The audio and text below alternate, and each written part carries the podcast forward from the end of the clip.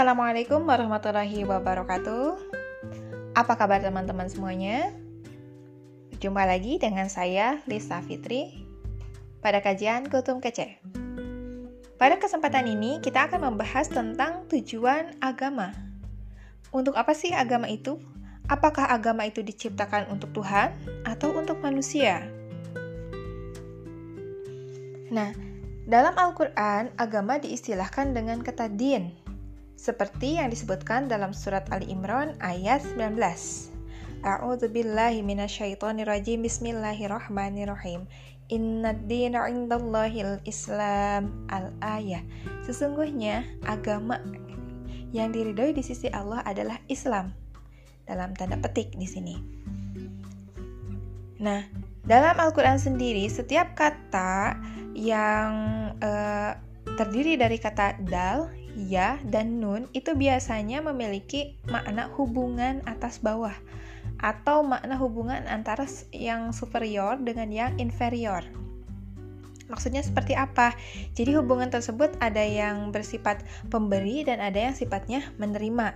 Contohnya seperti uh, dainon atau dayana itu hutang gitu ya. Nah, itu hutang itu kan artinya ada hubungan antara si pemberi hutang dengan yang diberi hutang. Nah, demikian juga dengan agama yang diistilahkan dengan kata din. Di sana adalah adanya hubungan antara kholik atau Allah dengan makhluknya. Salah satunya adalah manusia. Nah, mengapa demikian? Pertama, agama itu adalah fitrah atau kebutuhan dasar makhluk. Kebutuhan akan Tuhan itu merupakan kebutuhan dasar makhluk. Karena setiap makhluk itu, ya baik manusia ataupun hewan, mereka itu pada hakikatnya ingin mendapatkan perlindungan dari sesuatu yang memiliki kekuatan yang jauh lebih besar dari dirinya.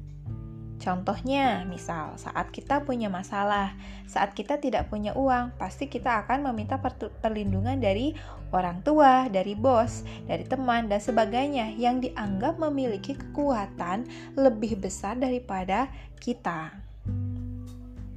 Mungkin manusia akan biasa saja, tidak akan menyadari uh, kebutuhan akan Tuhan. Saat dia memiliki teman-teman, orang tua yang uh, dapat melindunginya, tetapi di saat orang tua, di saat teman, bos gitu ya, mereka hilang semuanya. Nah, di sanalah manusia itu pada akhirnya akan bertemu bahwa yang dia butuhkan itulah hanyalah Allah karena Allah lah yang bisa memberikan bantuan di saat orang tua, di saat teman-teman sudah tidak ada. Itu artinya Allah lah sejatinya pelindung manusia. Yang kedua, manusia itu butuh petunjuk mengenai hal yang baik dan yang hal buruk untuk kebaikan hidup manusia. Dan tentu di sini Allah lah yang akan memberikan petunjuk. Misalnya ada yang menyatakan bahwa manusia itu sesungguhnya eh, dengan akalnya yang dia miliki bisa kok memikirkan hal yang baik dan yang buruk. Jadi manusia itu sebetulnya nggak butuh agama, begitu ya. Ada mungkin orang yang berpikiran demikian. Oke, betul sekali manusia memiliki akal yang bi yang bisa membuatnya mengetahui kebijaksanaan hidup. Tapi ada hal lain yang tidak bisa kita atur, yaitu masa depan. Tahukah kita apa yang akan terjadi satu jam kemudian? Atau besok? Atau minggu depan? Bulan depan? Tahun depan? Tahu tidak? Mungkin kita hanya bisa memprediksi saja, tetapi kenyataannya akan seperti apa, kita tidak pernah tahu mengenai hal itu. Nah, di sinilah kita menyadari bahwa hanya Allah lah yang paling mengetahui apa yang terbaik untuk manusia. Pengetahuan manusia hanya tahu sampai hari ini, saat ini saja. Dia tidak tahu besok akan terjadi seperti apa. Sehingga manusia tidak tahu apa yang terbaik yang harus dilakukan saat ini untuk kebaikan esok. Nah, maka kebaikan-kebaikan itulah yang tersampaikan dalam bentuk agama. Kemudian, kembali lagi ke pertanyaan awal, untuk apa sih kita beragama? Kalau kita menganggap agama itu untuk Tuhan, maka orientasi kita hanyalah pahala dan dosa. Kita beragama hanya untuk mendapatkan pahala, untuk mendapatkan surga, supaya kita terhindar dari siksa dan neraka. Betul gak sih hal seperti ini? Ya mungkin betul-betul aja ya, tetapi saya pikir ini pemikiran yang kurang tepat mengenai agama. Saat ini orang itu kerap menyederhanakan makna agama seolah-olah kita hanya melakukan segala sesuatu sebagai persembahan untuk Tuhan. Misalnya, kita sedekah yaitu untuk agama, untuk membela agama dan untuk Tuhan. Kita sholat ya untuk Tuhan. Kita bersikap kasar ya untuk agama atau untuk Tuhan. Nah, di sana mungkin ini pendapat yang saya pikir kurang tepat. Karena yang namanya agama itu ya bukan untuk supaya kita terhindar dari neraka gitu bukan tetapi um, agama itu adalah tuntunan akhlak manusia Salah satu akhlak yang sangat baik adalah adanya komunikasi dengan Allah. Makanya misalnya kita sholat. Nah, di sanalah uh, fungsi-fungsi agama itu sebetulnya. Agama itu akan menunjukkan kita kepada jalan yang benar dan supaya kita mendapatkan jalan yang benar itu maka kita harus me, me apa namanya? Uh, menyusun sebuah komunikasi gitu ya, menjaga komunikasi dengan Allah. Seringkali kita itu rajin ibadah, tapi sikap kita kepada manusia tidak bagus.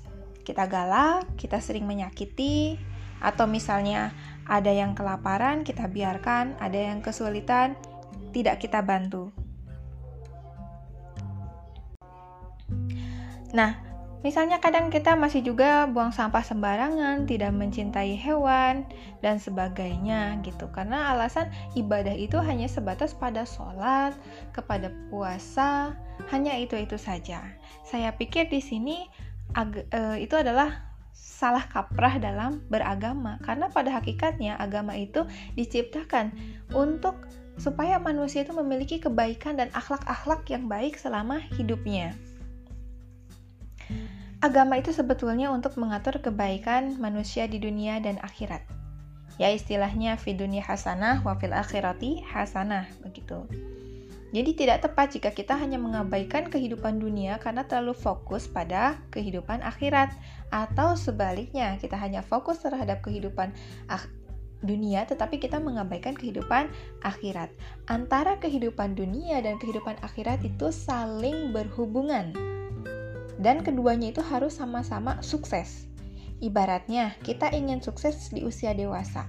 Nah, untuk kesuksesan hidup, maka kita itu harus sukses juga sejak usia anak-anak dan sejak usia remaja.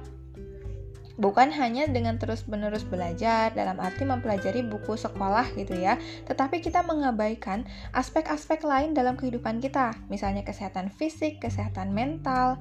Nah, karena kita itu uh, bisa jadi pada usia dewasa kita pintar banget, tetapi nanti kita tidak bisa bersosialisasi dengan manusia lainnya. Atau misalnya kita menjadi lemah fisiknya karena memang tidak dijaga sedari masih muda. Karena kita terlalu fokus. Kita supaya pintar aja nih. Pintar dalam bidang sekolah saja misalnya begitu.